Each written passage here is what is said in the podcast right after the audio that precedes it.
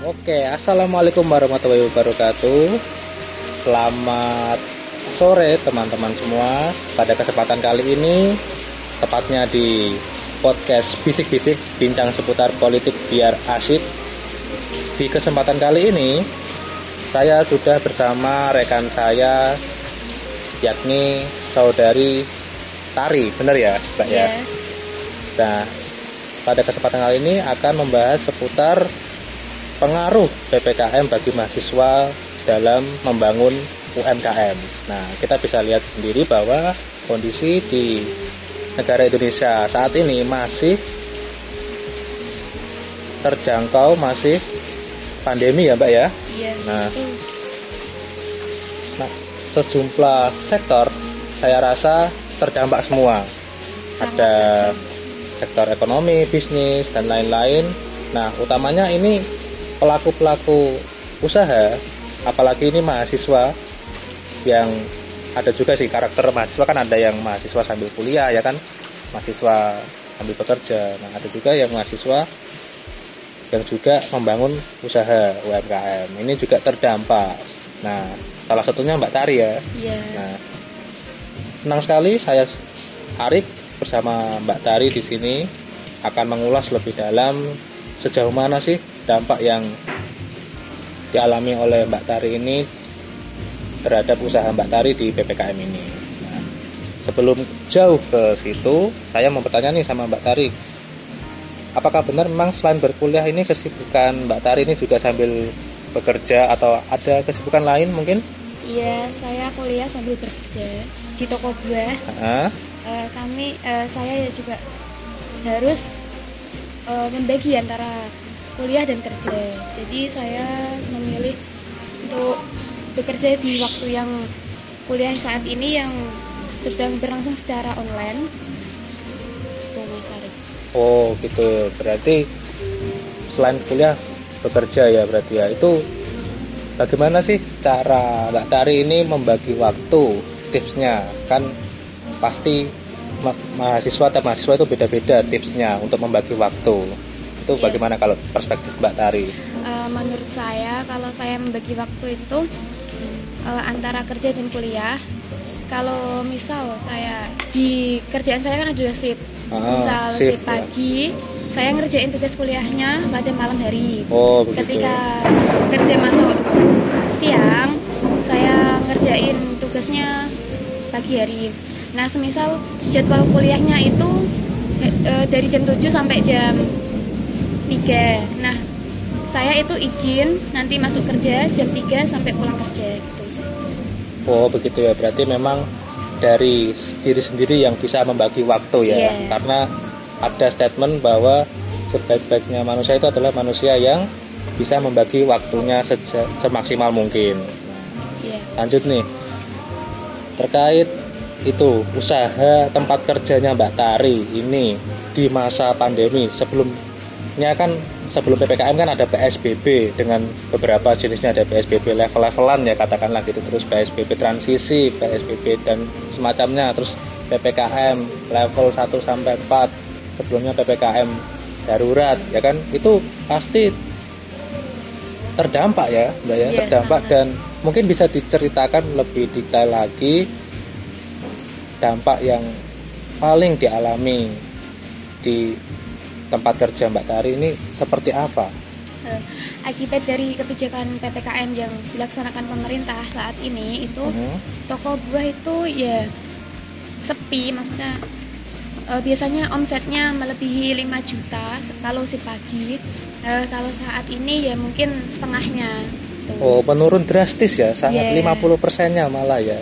tapi kalau nganu kebantu sama itu PKH Apa itu PKH kalau boleh tahu? Program keluarga harapan Oh begitu.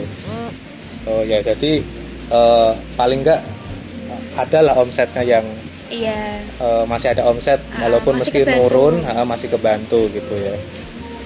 Nah lalu dari pribadinya Mbak Tari ini apakah terganggu nggak dampak pandemi ini? Misalkan ada pengurangan jam kerja atau mungkin pemot mohon maaf pemotongan gaji gitu ada nggak?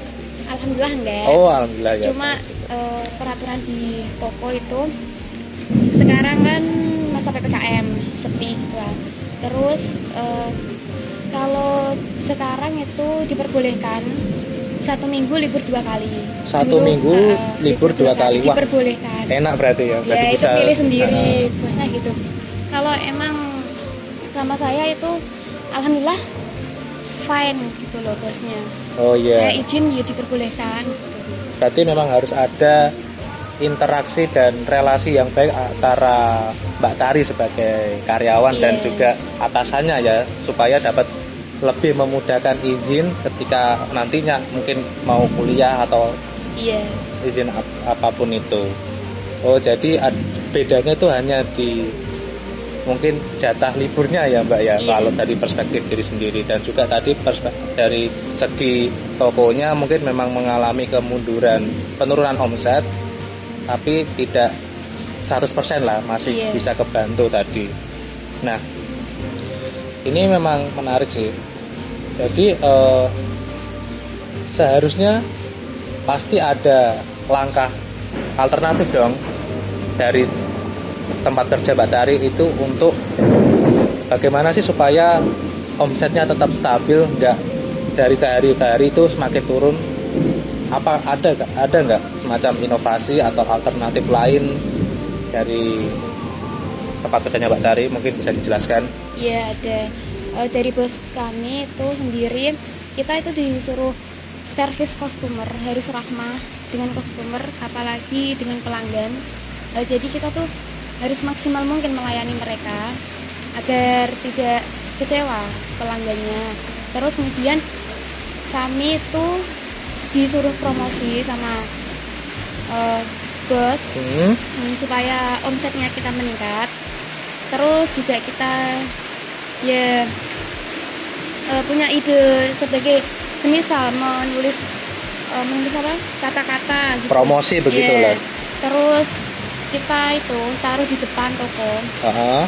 tuh terus kita juga ada obral. Kem- kemarin ada obral kemerdekaan promo. Promo. Harga. Oh diskon gitu loh Leb- diskonnya lebih gede gitu dari hari Oh, biasanya. ya alhamdulillah. Omsetnya agak naik. Oh gitu ya oh inovasi seperti belinya melalui e-commerce atau mungkin bisa dijangkau lewat GrabFood, GoFood itu bisa ada nggak di tempat kerja Mbak Tari gitu? Uh, kalau dari sendiri nggak ada, cuma Oh. ada Grab Food sendiri yang datang ke toko Oh begitu. gitu. Tapi kami melayani semisal ada PKH tadi ya Hmm. program keluarga harapan yang ingin diantar kan se- uh, sekarang kan program keluarga harapan kan ada itu pembagian sembako terus buah gitu kan. Iya. Terus kami juga siap melayani pengantaran buah tersebut ke pelanggan gitu. Oh menarik sekali. Ya iya ya. Terakhir mungkin eh, saya ingin mem- apa?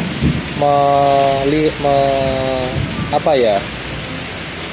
Ingin tahu jawaban dari Mbak Tari ini mengenai pesan yang ingin Mbak Tari sampaikan kepada mahasiswa yang kategorinya ini mahasiswa sambil bekerja atau sambil membangun usahanya ini untuk terus bersemangat gitu paling tidak dan tidak menyerah di apalagi di saat pandemi ini. Mungkin pesan buat para mahasiswa yang sedang bekerja, eh, jangan putus asa bila kita eh, maksudnya turun gitu loh. Hah? Terus jangan sampai kuliah kita down. Kita Oh, harus iya. pandai-pandai membagi waktu gitu. Karena pendidikan tetap harus Nah, diutamakan iya, ya. betul. Ya kita juga butuh uang Iya. UKT gitu. Tapi ya kita pokoknya jangan lupa tugas kuliah kewajiban kita nomor satu. Iya, sebagai Harus mahasiswa. diselesaikan Nah, terlebih dahulu gitu. Kan ada sih eh, saking enaknya udah bekerja malah kuliahnya keteteran Iya. ditinggalkan itu jangan sampai ya. Jangan sampai Oke, mungkin ada lagi, ada lagi mungkin pesan.